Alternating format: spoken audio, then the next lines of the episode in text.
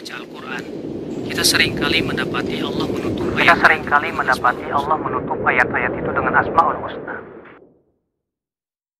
Bismillah, Assalamualaikum warahmatullahi wabarakatuh. Alhamdulillah, wassalatu wassalamu ala rasulillah, wa ala alihi wa sahbihi wa man wala, amma ba'du.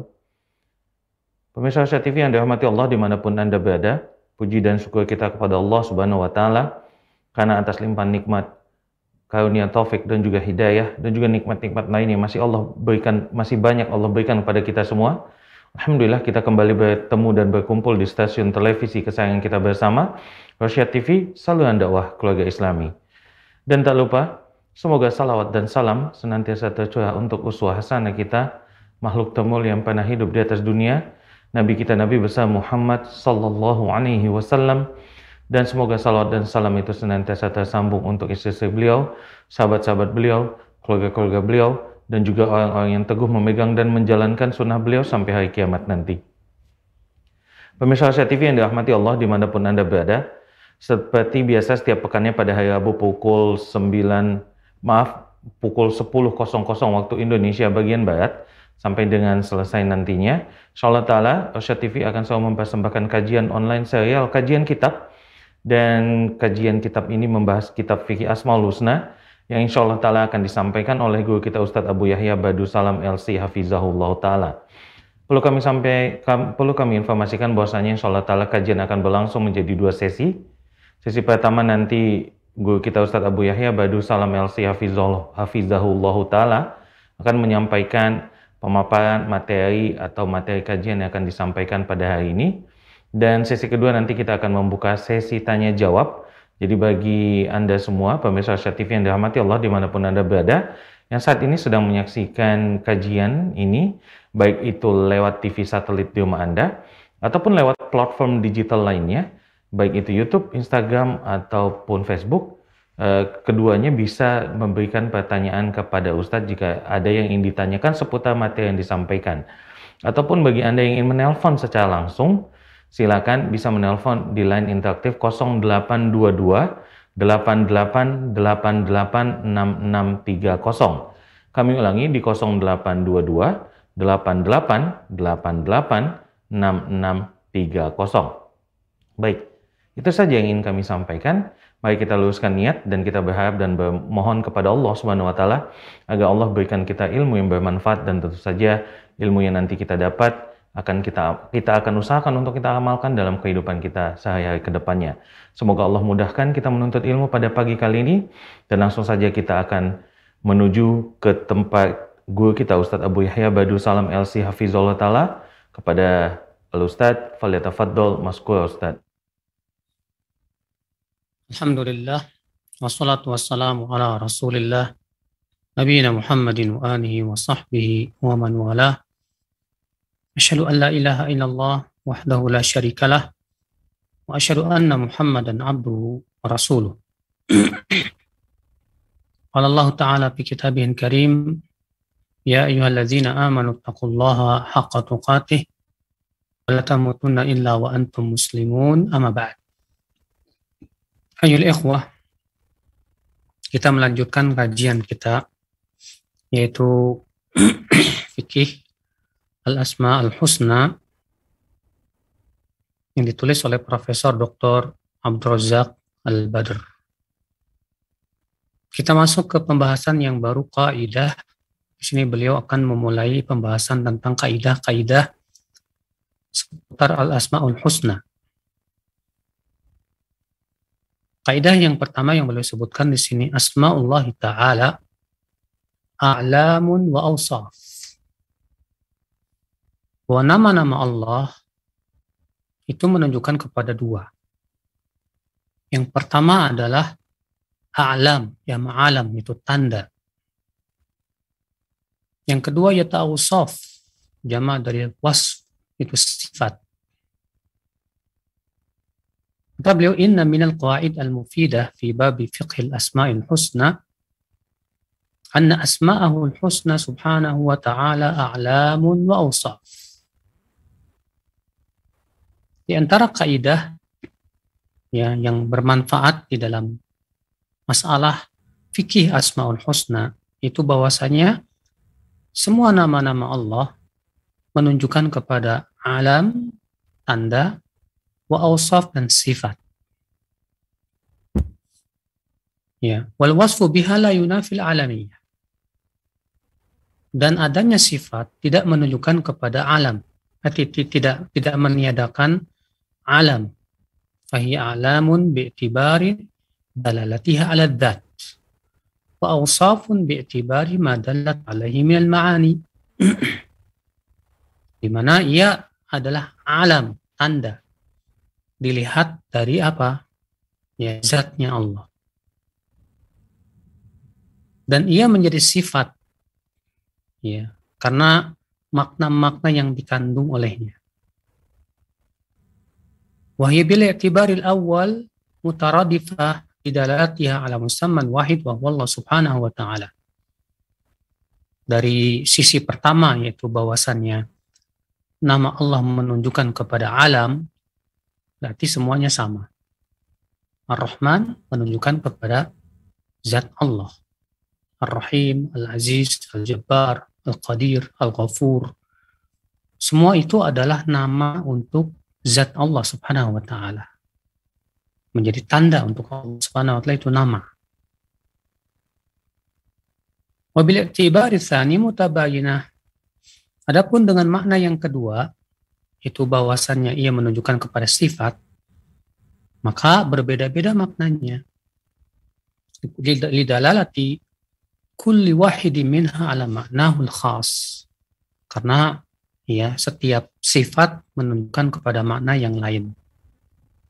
Contoh misalnya Al-Ghafur menunjukkan kepada sifat Allah yang maha ya pengampun.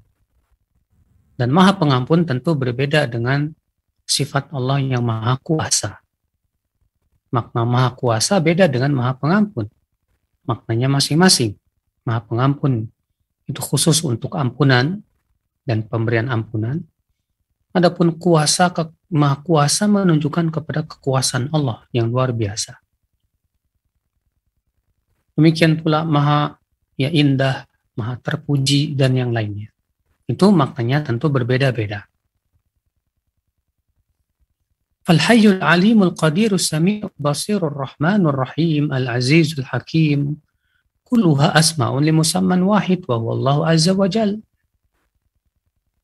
Ya kata beliau contoh untuk yang pertama menunjukkan kepada alam. Contoh misalnya nama Allah Al-Hayy, Al-Alim, Al-Qadir, As-Sami' Al-Basir, Ar-Rahman, Ar-Rahim, Al-Aziz, Al-Hakim. Semua ini adalah nama untuk satu yaitu Allah Subhanahu wa taala. Lakin lil hayy ma'nan khas. Namun secara makna beda. Al hayy maknanya khusus itu yaitu yang maha hidup. As-sami maknanya juga beda yang yaitu maha mendengar. Al-basir maknanya juga beda yaitu maha melihat. Ya. Kayak ini sifat yang berbeda-beda. Wahya bihadha li'tibar mutabayinah lidalalati kulli ismin minha ala ma'nahu khas. Ya. Maka dilihat dari sisi sifat, maka tentu maknanya berbeda-beda. Nah ini saudaraku sekalian. Waqad tanawwa'atid dalail fil kitab was sunnah ala istimali asma'illahil husna ala al-ma'ani wal awsaf dan dalil-dalil terhadap dalam Al-Quran dan hadis ya, itu ternyata bermacam-macam. Ya, dalil-dalil yang menunjukkan kepada bahwasannya nama-nama Allah itu mengandung apa namanya sifat-sifat yang berbeda-beda. Berkata Syekhul Islam Taimiyah rahimahullah, wa thubutu ma'na al-kamal qad qaddalla alaihi al-Qur'an. Ya. Sifat Allah yang sempurna Allah Subhanahu wa taala itu kan maha sempurna. Itu ditunjukkan oleh Al-Qur'an dengan ungkapan yang berbeda-beda. Ya. Dalla ala ma'anin mutadamminah li hadzal dan semuanya mengandung kepada satu makna yaitu kesempurnaan Allah di dalam sifat tersebut. Ya, Allah Maha hidup dengan kehidupan yang sempurna. Allah Maha mendengar dengan pendengaran yang sempurna. Allah Maha melihat dengan melihatnya secara sempurna. Tidak seperti makhluk yang tidak sempurna dan serba kekurangan. Ikhwatul Islam azan ya Allah. Karena memang kesempurnaan itu hanya untuk milik Allah. Hanya milik Allah subhanahu wa ta'ala saja. Tidak untuk siapa pun. Ikhwatul iman. Fama fil Quran min isbatil hamdi lahu wa tafsil mahamid وأن wa anna الأعلى masalul a'la wa isbatu ma'ani asma'ihi wa nahwi dhalika kulluhu dalun ala hadzal ma'na. Maka apa yang ada dalam Al-Qur'an ini berupa contoh menetapkan pujian bagi Allah. Lalu kemudian Allah memperinci tentang pujian-pujiannya tersebut. Dan bahwasanya bagi Allah sifat yang sangat tinggi dan paling tinggi dan menetapkan makna-makna nama-nama Allah Subhanahu wa taala dan sebagainya maka ini semua kata beliau menunjukkan kepada makna kesempurnaan Allah Subhanahu wa taala. Subhanallah khal Islam azani Allah wa. Ya, karena konsekuensi Allah sebagai Tuhan itu adalah maha sempurna. Kesempurnaan hanya milik Allah. Manusia tidak ada yang sempurna. Wa abrazu hadil adillah ma yali. Dalil-dalil yang paling menonjol kata beliau. Yang pertama, anna Allah wasafa asmahu bi annaha kulla bi annaha kullaha husna ay balighatun fil husni tamamuhu wa kamaluhu itu bahwasanya Allah mensifati nama-namanya sebagai nama-nama yang husna. Apa itu husna? Itu yang telah sampai dalam kebagusannya, ya, telah sampai kepada kesempurnaan dalam kebagusan. Istimaliha ala awsafil kamali wa nu'util jalal. Kenapa? Karena dia mengandung sifat-sifat yang sangat sempurna, menunjukkan kepada sifat yang agung dan mulia. Walau kana ta'laman jamidatan ghairu dalatin ala ma'anin lam takun husna. Kalaulah nama-nama Allah hanya sebatas nama tanpa menunjukkan kepada makna dan sifat, tentu tidak menjadi husna. Tidak disebut dengan husna. Disebut husna kalau menunjukkan kepada sifat yang sempurna. Ini dalil yang pertama. Dalil yang kedua, ikhbarullah an nafsi bitafarudi bil mathalil a'la. Itu bahwa Allah mengabarkan ya bahwa hanya Allah yang memiliki sifat yang paling tinggi itu hanya Allah. Tidak untuk yang lain. Allah berfirman ya dalam surat An-Nahl ayat 60. Walillahil mathalul a'la. Bagi Allah adalah sifat yang paling tinggi. Allah juga berfirman dalam surat Ar-Rum ayat 27. Walahul mathalul a'la. Dan baginya, ya, yaitu sifat yang paling tinggi. Kata Ibnu Kathir menjelaskan apa yang dimaksud dengan walillahil asma apa al-mathalul a'la. Kata beliau ay al-kamalul mutlak min kulli wajhin. Itu kesempurnaan yang bersifat mutlak dari semua sisi-sisinya. Semuanya sempurna sudah. Wahwa mansubun ilai dan itu hanya dinisbatkan kepada Allah. Ya khutal iman azani Allah wa. Jadi nama Allah itu husna. Artinya telah sampai kepada apa? Puncak ya kesempurnaannya. Maka Allah berfirman walillahil mathalul a'la. Milik Allah lah sifat yang paling tinggi. Yang paling tinggi hanya milik Allah Subhanahu wa taala dalam semua sifat. Dalam kasih sayang, Allah yang paling sayang. Yang paling tinggi kasih sayangnya. Ya. Dalam masalah indah, Allah yang paling yang paling indah, paling tinggi keindahannya. Ya. Makhluk ada yang indah betul. Tapi Allah Subhanahu wa taala yang paling indah. Tidak ada yang lebih indah dari Allah Azza wa Jalla. Talisan, kata beliau, dalil yang ketiga, ma fil Qur'ani min isbatil hamdilahu subhanahu wa tafsili mahamidih. Itu dalil-dalil dalam Al-Quran yang menunjukkan bahwa Allah itu maha terpuji. Dan Allah pun memperinci pujiannya tersebut. Ya. Contoh misalnya Allah memuji dirinya sebagai Al-Wahhab yang maha pemberi. Minta fasili mahamidihi fil Quran. Di mana ia merupakan perincian, pujian untuk Allah dalam Al-Quran. Allah berfirman, ia memuji dirinya dalam surat Ibrahim ayat 39. Alhamdulillahilladzi wahaba li 'alal kibari Ismail wa Ishaq. Inna rabbi lasami'ud du'a. Ya, Nabi Ibrahim berdoa apa berkata segala puji bagi Allah yang telah memberikan kepadaku di masa tua, di masa tua dua anaknya yaitu Ismail dan Ishak. Sesungguhnya Rabbku maha mendengar doa setiap hamba. Lihat saudaraku sekalian. Ya, di situ Allah memberikan perincian.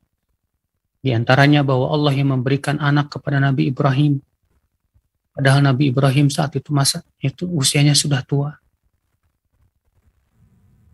Maka itu menunjukkan Allah Maha Pemberi. Memberi anak, memberi rezeki dan yang lainnya.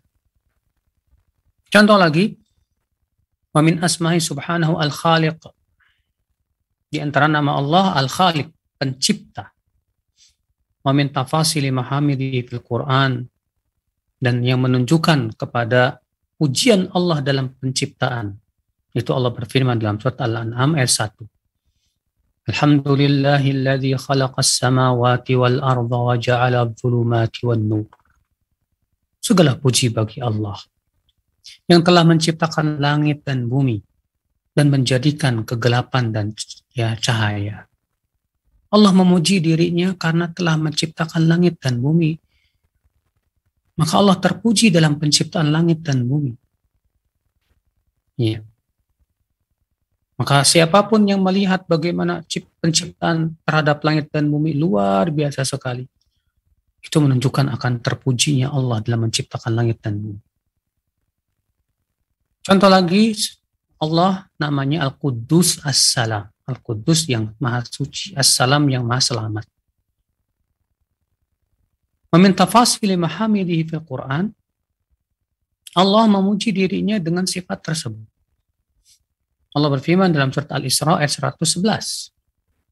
Qul alhamdul wa qul alhamdulillahi alladhi lam yattakhidh lam yattakhidh waladan wa lam yakul lahu syarikun wa lam yakul lahu waliyyun minadh-dhull wa. Katakanlah segala puji bagi Allah yang tidak mengambil anak dan tidak membutuhkan sekutu dalam kerajaannya. Dan tidak pula ya bagi Allah tandingan. Ya. Wakabbirhu takbira dan agungkanlah Allah seagung-agungnya. Besarkanlah Allah sebesar-besarnya. Allah memuji dirinya karena Allah tidak mengambil anak menunjukkan bahwa Allah tidak membutuhkan anak. Beda dengan manusia, butuh anak untuk melanjutkan keturunannya. Ya. Sedangkan Allah tidak membutuhkan anak karena kesempurnaan qayyumiyahnya Allah Subhanahu wa taala. Allah juga tidak membutuhkan sekutu di dalam menjaga ya kerajaannya langit dan bumi yang sangat luas sekali. Allah tidak butuh sekutu. Ya. Dan tidak pula Allah butuh penolong dan pelindung. Allah nggak butuh. Siapa pun, ya Allah tidak butuh kepada siapa pun. Maka dengan cara demikian berarti kita sudah membesarkan Allah. Ya, itu mengesahkan Allah dalam segala-galanya yang menunjukkan akan kebesaran Allah. Maka Allah berfirman, wa kabir takbira maka besarkanlah Allah sebesar-besarnya, agungkanlah Allah seagung-agungnya. Berarti orang yang punya keyakinan, akhi, bahwa Allah mengambil anak, dia belum mengagungkan Allah, bahkan menghina Allah. Orang yang punya keyakinan ada sekutu yang berhak disembah selain Allah, ini sama saja menghina Allah, bukan membesarkan Allah. Ikhwatal iman. Maka Allah terpuji ya, dengan sifat yang sangat sempurna tersebut. Contoh lagi kata beliau wa min asma'i al-malikul al-malik wal alim. Di antara nama Allah al-malik yang raja. Wal alim yaitu yang maha mengetahui. Maka Allah memuji dirinya karena milik Allah semua kerajaan dan tidak ada yang lebih tinggi ilmunya dari Allah Azza wa Jalla. Allah berfirman dalam surat Sabah ayat 1 sampai 2. Alhamdulillahilladzi lahu ma fis samawati wa ma fil ard. Huwal hakimul khabir. Ya'lamu ya'lamu ma yaliju fil ardi wa ma yakhruju minha. Wa ma yanzilu minas sama'i wa ma ya'ruju fiha wa huwar rahimul ghafur. Segala puji bagi Allah. Yang miliknya ada miliknya lah apa yang ada di langit dan apa yang ada di bumi dan milik Allah lah pujian di akhirat nanti. Dan dia Allah maha hakim, lagi maha khabir. Allah mengetahui apa yang masuk ke dalam bumi dan apa yang keluar dari bumi. Dan Allah tuh mengetahui apa yang turun dari langit dan apa yang naik ke langit. Dan Allah maha rahim lagi maha ghafur. Allah memuji dirinya karena Allah pemilik kerajaan langit dan bumi. Tidak ada siapa pun yang bisa mengatur langit dan bumi kecuali Allah. Dan Allah pun mengetahui semua yang terjadi di bumi, di langit, dan yang lainnya. Allah tahu apa yang masuk ke dalam bumi, apa yang keluar dari bumi. Ya, Allah Maha tahu apa yang naik ke langit dan apa yang turun dari langit. Allah Maha tahu. Semua tak lepas dari ilmu Allah Subhanahu wa taala. Maka Allah terpuji dengan sifat tersebutnya akhul iman. Iya. Kemudian kata beliau dalil yang keempat. Anna fil Quran isbatan li asma'illahi wa isbatan li sifat allati dalat 'alaiha tilkal asma. Di dalam Al-Qur'an ada penetapan untuk nama-nama Allah dan juga penetapan terhadap sifat yang ditunjukkan oleh nama-nama tersebut. Contoh misalnya fasamma nafsahu al-aziz wa wasafa nafsahu bil izzah. Allah menamai dirinya apa? Al-aziz. Al-aziz itu ya maha apa? Maha iz, pemilik izzah, kemuliaan, keperkasaan. Dan Allah pun kemudian menyifati dirinya dalam Al-Quran ya dengan sifat izzah. Allah berfirman dalam surat Fatir ayat 10, "Falillahil izzatu jami'a." al-izzah, kemuliaan, keperkasaan, ya, kehebatan hanya milik Allah seluruhnya. Kehebatan itu hanya milik Allah seluruhnya, saudara. Allah menamai dirinya Al-Alim dan menyipati dirinya dengan ilmu.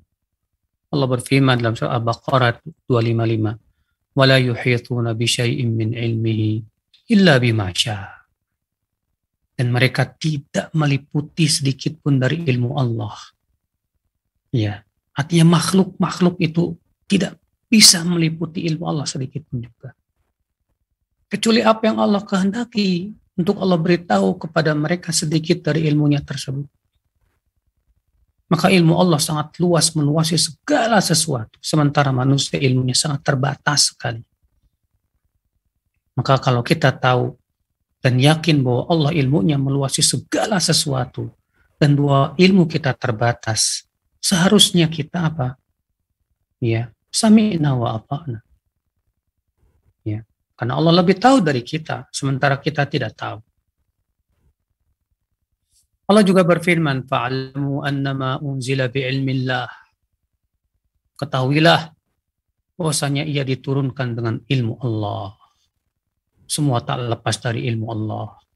Itu surat Hud ayat 14. Contoh lain, Allah menamai dirinya Al-Qawi dan menyipati dirinya dengan Maha Kuat. Allah berfirman, Inna Allah wa razaq, dhul quwwatil matin. Allah lah pemberi rezeki, pemilik kekuatan yang sangat kuat. Allah juga menamai dirinya Ar-Rahman Ar-Rahim dan menyipati dirinya dengan rahmah. Allah berfirman, "Wa rabbukal rahmah." Dan Rabbmu Maha Pengampun, pemilik rahmat. Ini dalam surat Al-Kahfi ayat 58. Allah juga mensifati menamai dirinya Al-Hakim dan mensifati dirinya dengan hikmah dan hukum. Allah berfirman, "Walahul hukmu wa ilaihi turja'un." Milik Allah lah hukum dan kepada Allah lah kalian akan dikembalikan. Allah juga berfirman dalam surat Al-An'am ayat 62, "Ala lahul hukmu." Ketahuilah, hukum itu hanya milik Allah. Wa huwa asra'ul hasibin. Dan Allah paling cepat dalam menghisap manusia. Ya. Allah menamai dirinya Al-Qadir dan menyipati dirinya bahwasanya Allah memiliki kudroh, kekuasaan yang luar biasa. Ya, bukan dalam doa istikharah Rasulullah berdoa, Allahumma inni astakh inni Allahumma inni astakhiruka bi ilmik wa astaqdiruka bi qudratik. Ya Allah, aku memohon pilihan kepada Engkau dengan ilmumu. Dan aku mohon kekuasaan kepadamu dengan kekuasaanmu. Allah kuasa. Allah menamai dirinya Al-Qadir yang maha kuasa dan menunjukkan akan sifat Allah itu kuasa atas segala sesuatu. Allah juga menamai dirinya Al-Basir yang menunjukkan kepada sifat basar itu penglihatan bahwasanya Allah melihat. Ya. Rasulullah bersabda dalam riwayat Muslim, "Inna Allah la yanam wa la yanbaghi lahu an yanam." Yakhfidul qista wa yarfa'uh. Yarfa'u ilaihi amal al-laili qabla an-nahar wa amal an-nahari qabla al-lail. Hijabuhu an-nur. Law kashafahu la ahraqat subha subuhat wajhi, man taha ilaihi basaruhu min khalqihi. Allah tidak tidur kata Rasulullah dan tidak layak Allah tidur. Allah merendahkan timbangan dan ia meninggikannya. Allah mengangkat kepadanya amalan di waktu malam sebelum datangnya siang dan mengangkat amalan waktu siang sebelum datangnya malam. Dan hijab Allah itu cahaya. Kalaulah Allah membuka hijabnya, akan terbakarlah semua yang dilihat oleh Allah dari makhluknya. Subhanallah. Ya. Dalil yang kelima kata beliau, anna fil Quran isbatan li asma'illahi wa ikhbaran min Allah an nafsihi bi af'ali tilkal asma. Wal af'alu ahkamun lis sifat. Fathubutul fi'li dalilun ala thubutis sifah. Bahwa di dalam Al-Quran terdapat penetapan untuk nama-nama Allah dan mengabarkan pengabaran dari Allah tentang dirinya. Ya, tentang perbuatan dari nama-nama tersebut. Dan perbuatan-perbuatan itu tentu hukum untuk sifat. Maka adanya perbuatan itu dalil yang menunjukkan kepada adanya sifat. Contoh misalnya nama Allah As-Sami'. Dan Allah Subhanahu wa taala memiliki perbuatan apa? Mendengar ya suara-suara manusia. Allah berfirman contohnya, "Qad sami Allahu qawla allati tujadiluka fi zawjiha wa tashtaki ila Allah wallahu yasma'u tahawurakuma Allah sami'un basir." Sungguh Allah telah mendengar ucapan seorang wanita yang mendebatmu tentang suaminya dan mengadu kepada Allah. Dan Allah mendengar percakapan kalian berdua Sesungguhnya Allah mendengar, maha mendengar lagi maha melihat. Allah juga berfirman kepada Nabi Musa dan Nabi Harun, Innani ma'akuma asma'u wa ara. Sesungguhnya aku bersama kalian berdua, aku mendengar dan aku melihat. Ya. Allah juga mensifati menamai dirinya Al-Alim Dan Allah punya perbuatan yaitu berilmu. Allah berfirman, Ya'lamu ma baina aydihim wa ma khalfahum wa la yuhituna bihi ilma, ilma. Allah mengetahui apa yang ada di depan dan di belakang mereka. Dan mereka tidak bisa meliputi ilmu Allah sedikit pun juga. Ya. Contoh lagi kata beliau Allah namanya Al-Ghafur. Maka perbuatan Allah adalah mengampuni hamba-hambanya. Allah berfirman, Ala tuhibbuna an yaghfirallahu lakum? Apa kamu tidak mau? Apa kamu tidak suka Allah ampuni dosa-dosa kamu? Ya. Allah menamai dirinya Ar-Rahim dan perbuatan Allah adalah memberikan rahmat. Allah berfirman yu'adzibu man yasha wa yarhamu man yasha. Allah mengadab siapa yang Allah kehendaki dan Allah merahmati siapa yang Allah kehendaki. Dalil yang keenam, ya, yang menunjukkan akan setiap nama menunjukkan sifat-sifat yang sempurna. Annahu tabaraka wa ta'ala sama nafsahu fil Quran bi asma'in. Thumma nazzaha nafsahu amma yudaddu ma dalat alaihi min sifat. Allah subhanahu wa ta'ala menamai dirinya dalam Al-Quran dengan beberapa nama. Kemudian Allah mensucikan dirinya dari semua yang bertabrakan dengan sifat-sifat tersebut. Contoh misalnya nama Allah apa? Al-Hayy yang maha hidup. Kehidupan Allah sempurna. Tidak ditimpa ngantuk ya, sama sekali. Maka Allah pun kemudian meniadakan semua yang ber, bertabrakan dengan sifat hidup Allah yang sempurna. Berupa tidur ataupun ngantuk dan yang lainnya. Allah berfirman, La ta'khudhu sinatu wala naum. Allah tidak ditimpa ngantuk, tidak pula tidur. Menunjukkan akan kesempurnaan hidupnya Allah Jalla wa'ala. Allah juga menamai dirinya Al-Qawi. Yang maha kuat.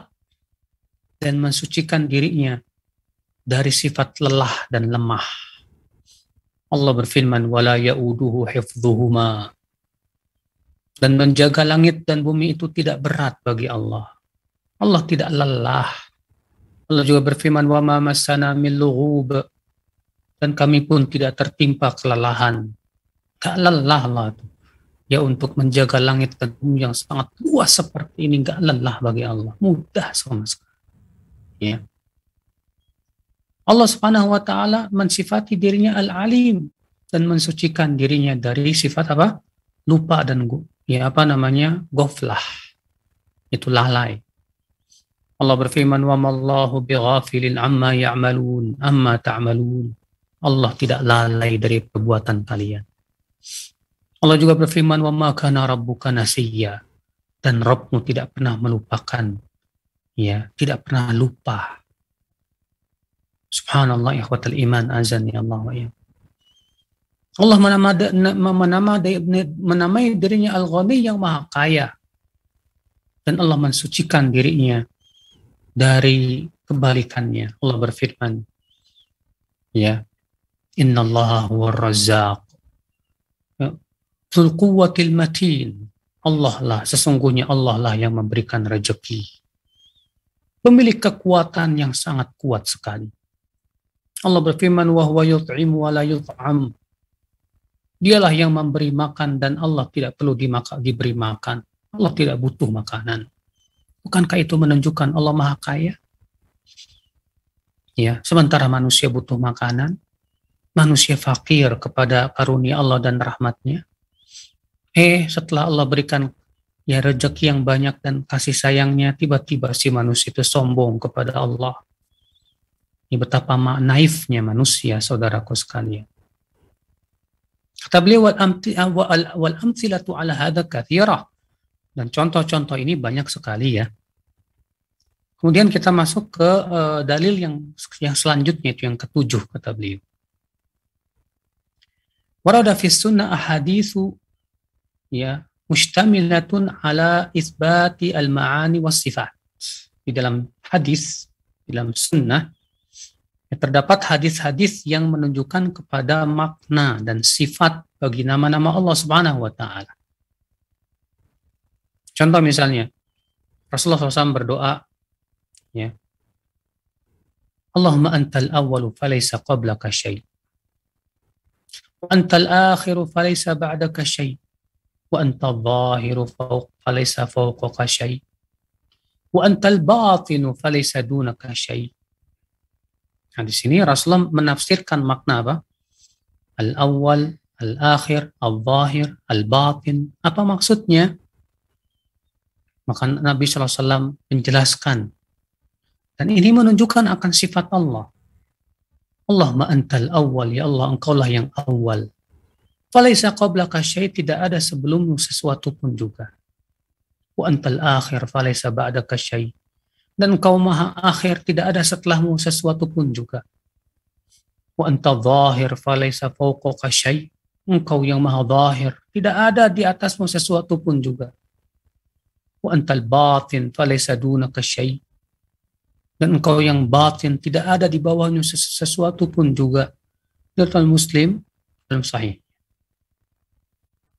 Contoh misalnya juga Rasulullah sabda inna Allah hayyun karim Allah itu maha pemalu ini lagi maha dermawan yastahi min abdihi idza rafa'a ilaihi yadayhi an yaruddahuma safra Allah malu kepada seorang hamba apabila ia mengangkat dua tangannya untuk berdoa, ternyata Allah kembalikan dalam keadaan nol, tidak di, tidak diijabah. Allah malu. Ya. Di sini Dr. Abu Daud.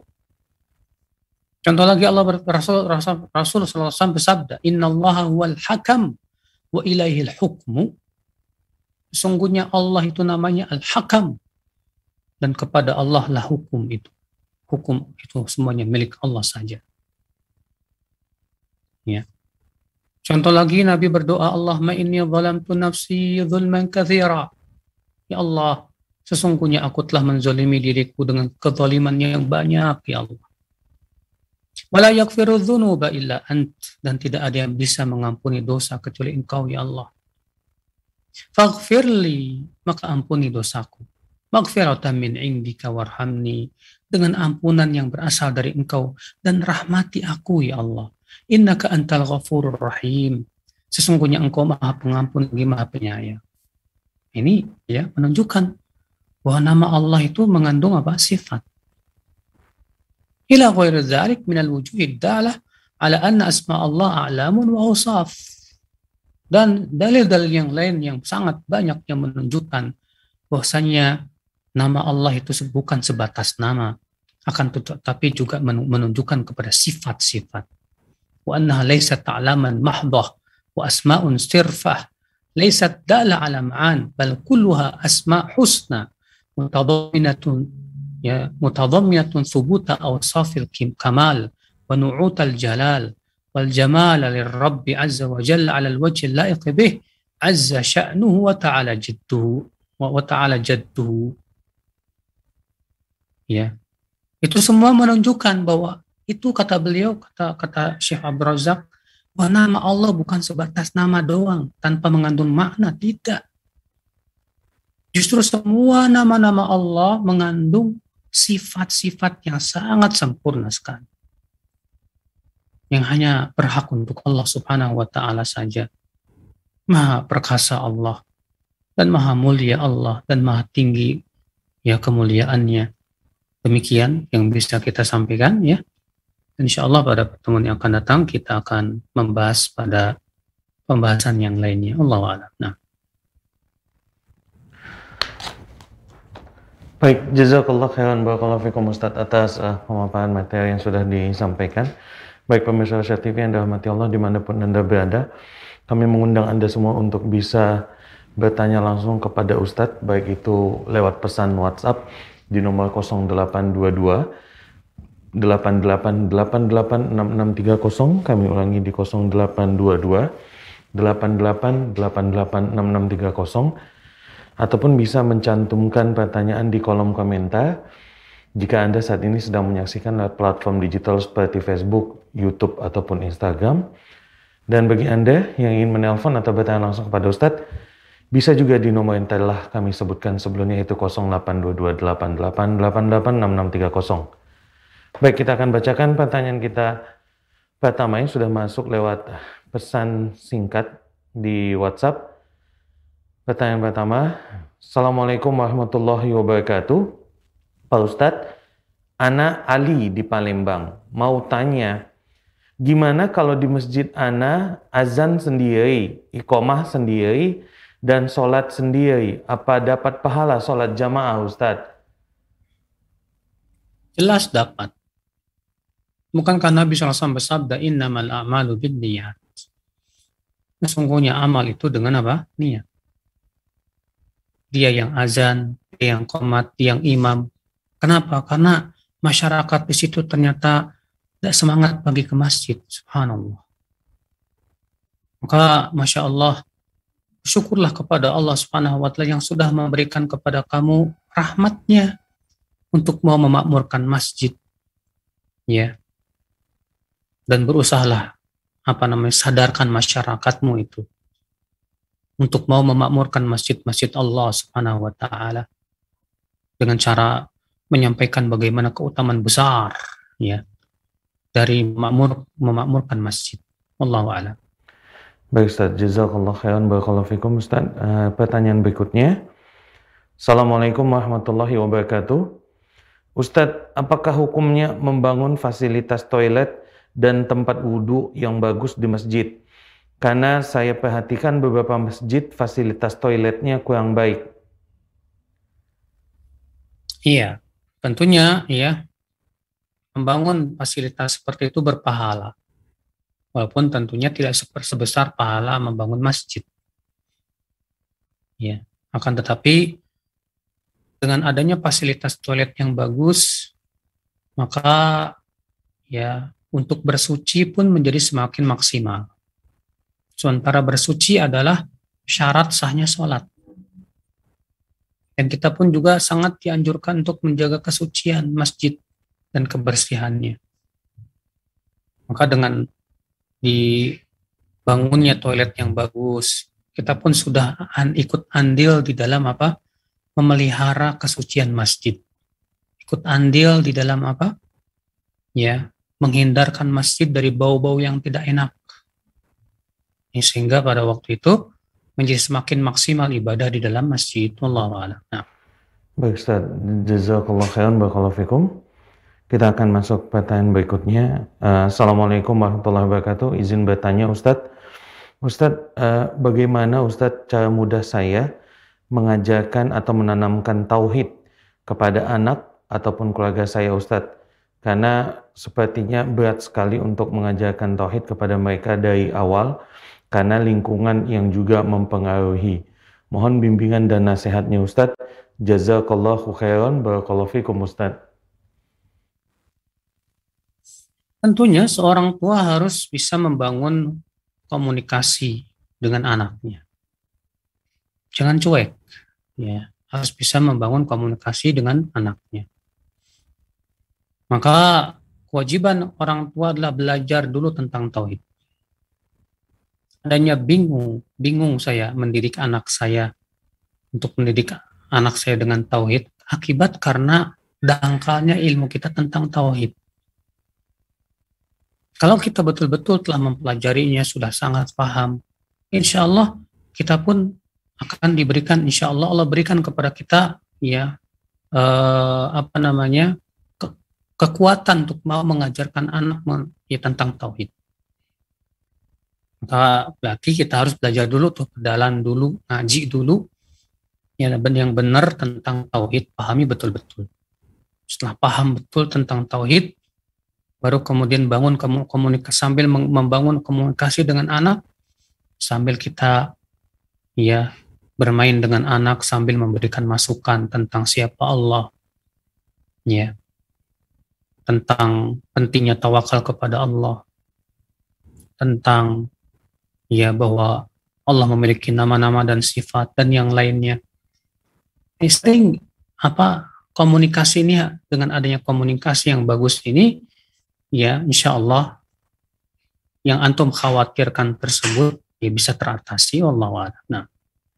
Baik Ustaz, jazakallah khairan barakallahu fikum Ustaz atas jawabannya. Uh, kami masih mengundang bagi Anda semua pemirsa Asia TV yang dirahmati Allah di mana pun Anda berada, Bagi Anda yang ingin bertanya langsung pada Ustadz, silakan untuk menelpon line interaktif kami di nomor 0822 88886630. Kami ulangi di 0822 88886630. Baik, kita akan masuk ke pertanyaan berikutnya. Assalamualaikum warahmatullahi wabarakatuh. Ustadz, saya sudah mulai berhijrah, tapi kenapa kehidupan saya masih susah?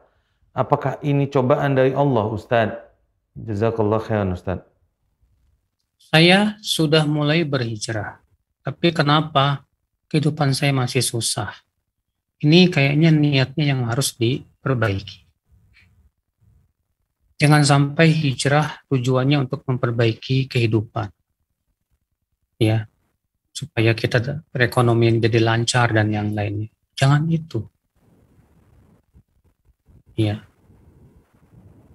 Maka Allah Subhanahu wa taala tidak ridho kalau kita ternyata hijrahnya tujuannya hanya supaya perekonomian semakin kita semakin bagus.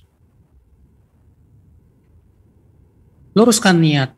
Kalau kita hijrah, jangan mengharapkan apa-apa dari dunia. Kita hijrah karena kita pengen masuk surga. Allah nggak butuh kok sama hijrah kita. Allah tidak butuh kepada apa namanya taubat kita, Allah tidak butuh kepada amal soleh kita. Allah nggak membutuhkan itu. Kita hijrah itu tujuannya untuk diri kita sendiri kok.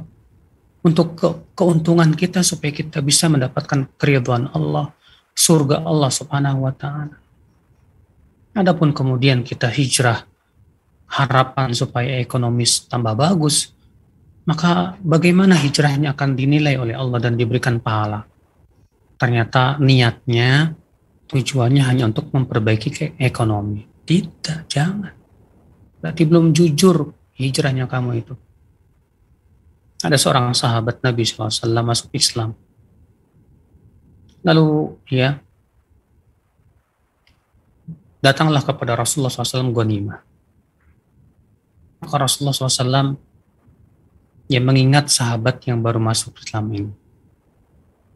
Lalu kemudian Rasulullah SAW menyisihkan sebagian harta ghanimah untuk sahabat yang baru masuk Islam ini.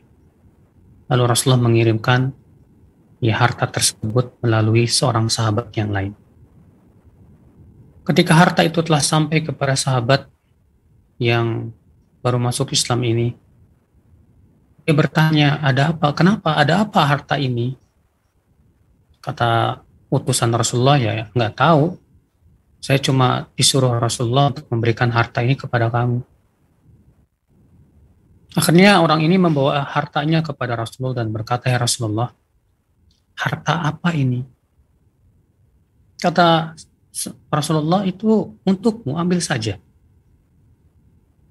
Apa kata sahabat ini, Ya Rasulullah, aku masuk Islam bukan untuk ini. Aku masuk Islam bukan ingin dapat harta, bukan. Kata Rasulullah, terus apa tujuan kamu? Ya, kata sahabat ini, aku masuk Islam agar ada panah menancap di kerongkongan saya. Lalu saya mati syahid. Apa kata Rasulullah, intas tukillah ya Kalau kamu memang jujur kepada Allah, Allah akan jujur kepada kamu. Tak lama kemudian, diumumkanlah peperangan. Ternyata benar sahabat yang baru masuk Islam ini ikut berperang. Setelah selesai peperangan Rasulullah bertanya kepada para sahabat, ke mana si Fulan itu? Dicari, dicari ternyata ia sudah meninggal dalam keadaan ya panah menancap di lehernya. Apa kata Rasulullah? Sadaqallah, fasadaqah. Dia memang jujur kepada Allah. Maka Allah pun jujur kepada. Nah ini baru jujur. Ya jujur sahabat ini. Kita hijrah pengen ekonomi kita tambah bagus. Berarti belum jujur hijrah kita saudaraku. Maka kalau kamu berkata kepada saya saya sudah mulai hijrah tapi kenapa kesusahan ya hidup terus menghampiri saya? Ya karena kamu tidak jujur. Hijrahmu belum jujur kamu hijrah bukan jangan sampai karena mengharapkan harta, jangan. Ya. Tapi hijrah kamu itu hanya mengharapkan keridhaan Allah semata. Kalau kamu hijrah ternyata Allah berikan kepada kamu kesusahan, tetap setia kepada Allah ya Allah. Aku tetap hijrah kok. Ya, aku akan tetap memperbaiki diriku walaupun ya perekonomianku tetap seret setelah hijrah nggak masalah. Karena aku hijrah bukan karena duit, aku hijrah bukan karena ekonomi, tapi aku hijrah karena aku ingin mendapatkan ya surga, ya ketenangan dan kebahagiaan di akhirat. Ya, Adapun kesusahan di dunia, aku ridho ya Allah dengan mendapatkan yang engkau berikan kepadaku. Dan tentunya juga kita yakin di bahwasannya setiap di balik setiap kesulitan akan ada kemudahan. Karena Allah sendiri yang mengatakan begitu, fa inna ma'al usri yusra, inna ma'al usri yusra. Sesungguhnya bersama kesulitan akan ada kemudahan. Ini sebetulnya hanya sebatas waktu saja. Cuma masalahnya kitanya nggak sabaran. Kita pengen segera. Iya. Dan bisa jadi kalau Allah segerakan, kita malah lupa kepada Allah. Bisa jadi. Iya. Allah yang lebih tahu tentang apa yang maslahat untuk diri kita.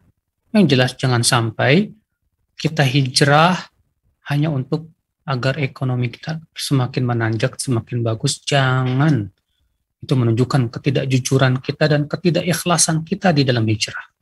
Allahu a'lam. Masya Allah. Baik Ustaz, jazakallah khairan barakallahu fikum Ustaz atas jawabannya.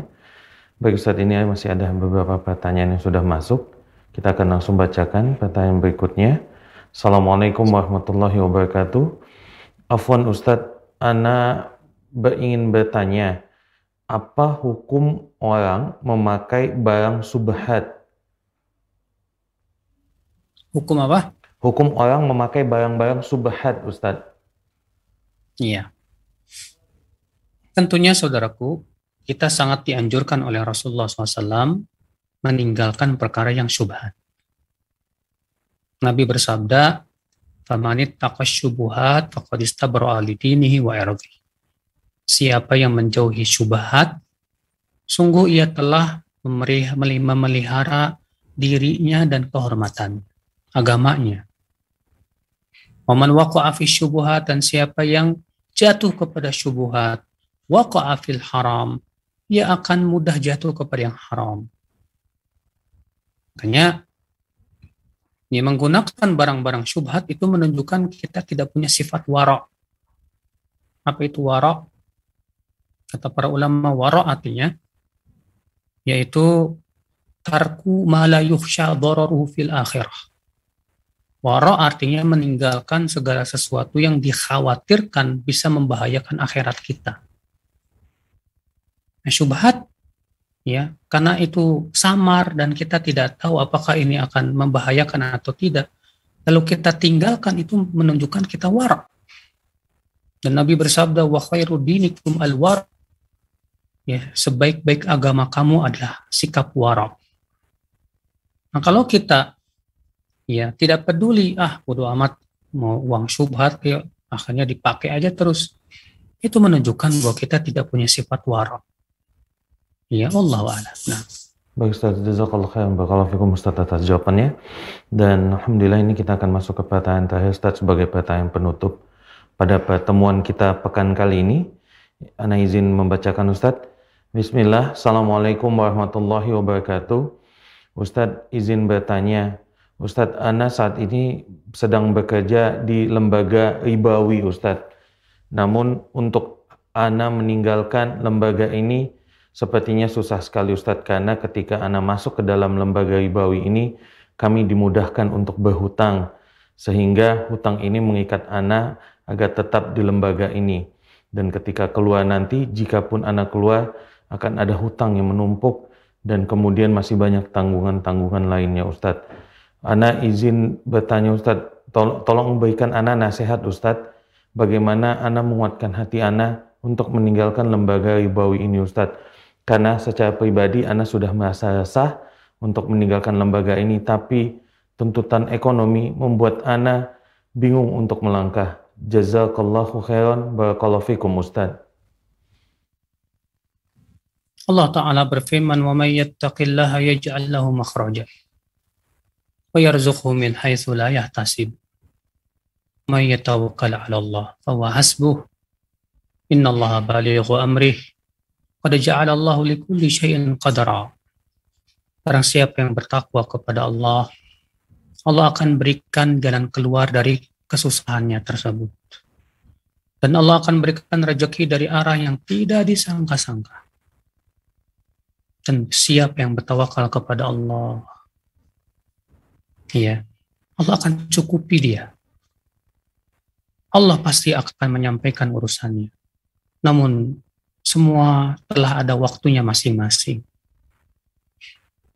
Iya, ya tergantung keyakinan kita kepada ayat ini.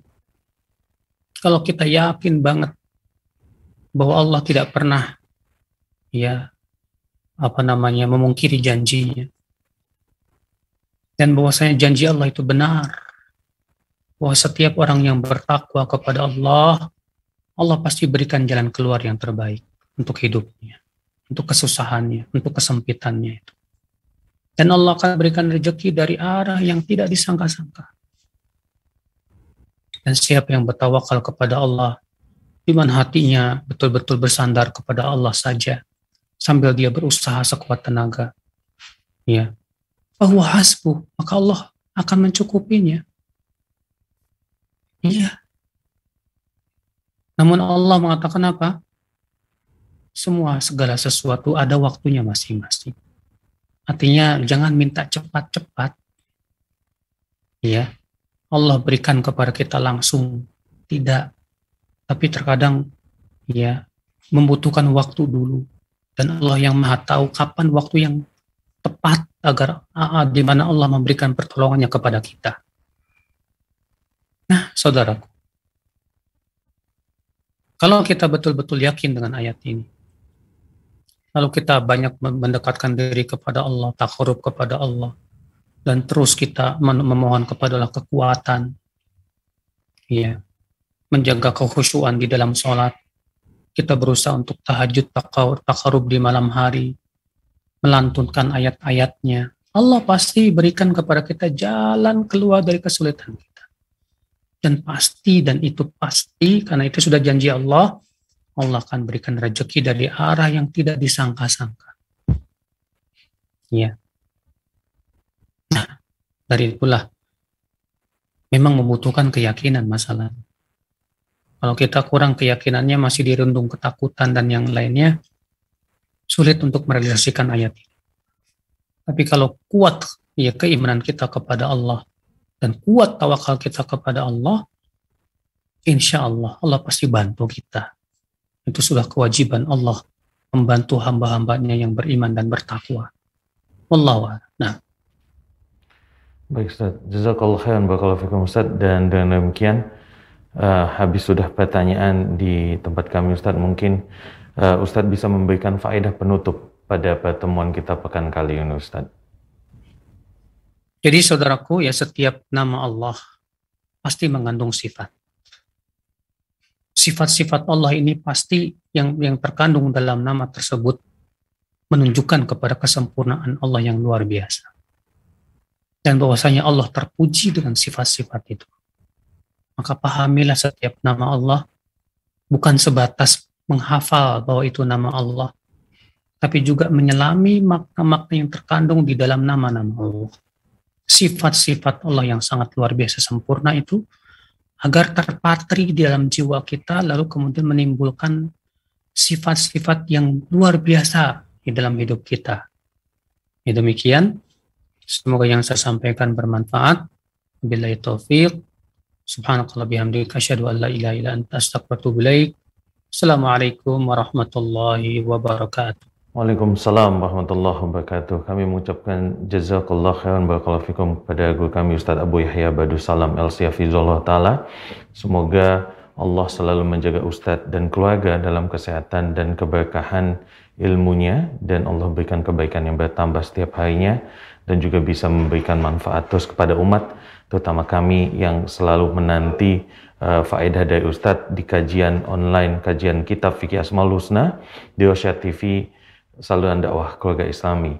Dan tak lupa, kami juga mengucapkan jazakumullah khairan barakallahu fikum kepada seluruh pemirsa Rasyad TV yang masih setia di stasiun televisi kesayangan kita bersama ini untuk menikmati program-program berbasis agama Islam bermanhajkan salaf dan saksikan juga program-program unggulan lainnya. Kami pamit undur diri, kita tutup pertemuan kita dengan doa kafatul majlis. Subhanakallahumma bihamdika, syahadu la ilaha illa anta, astaghfiruka wa atubu ilaik. Assalamualaikum warahmatullahi wabarakatuh.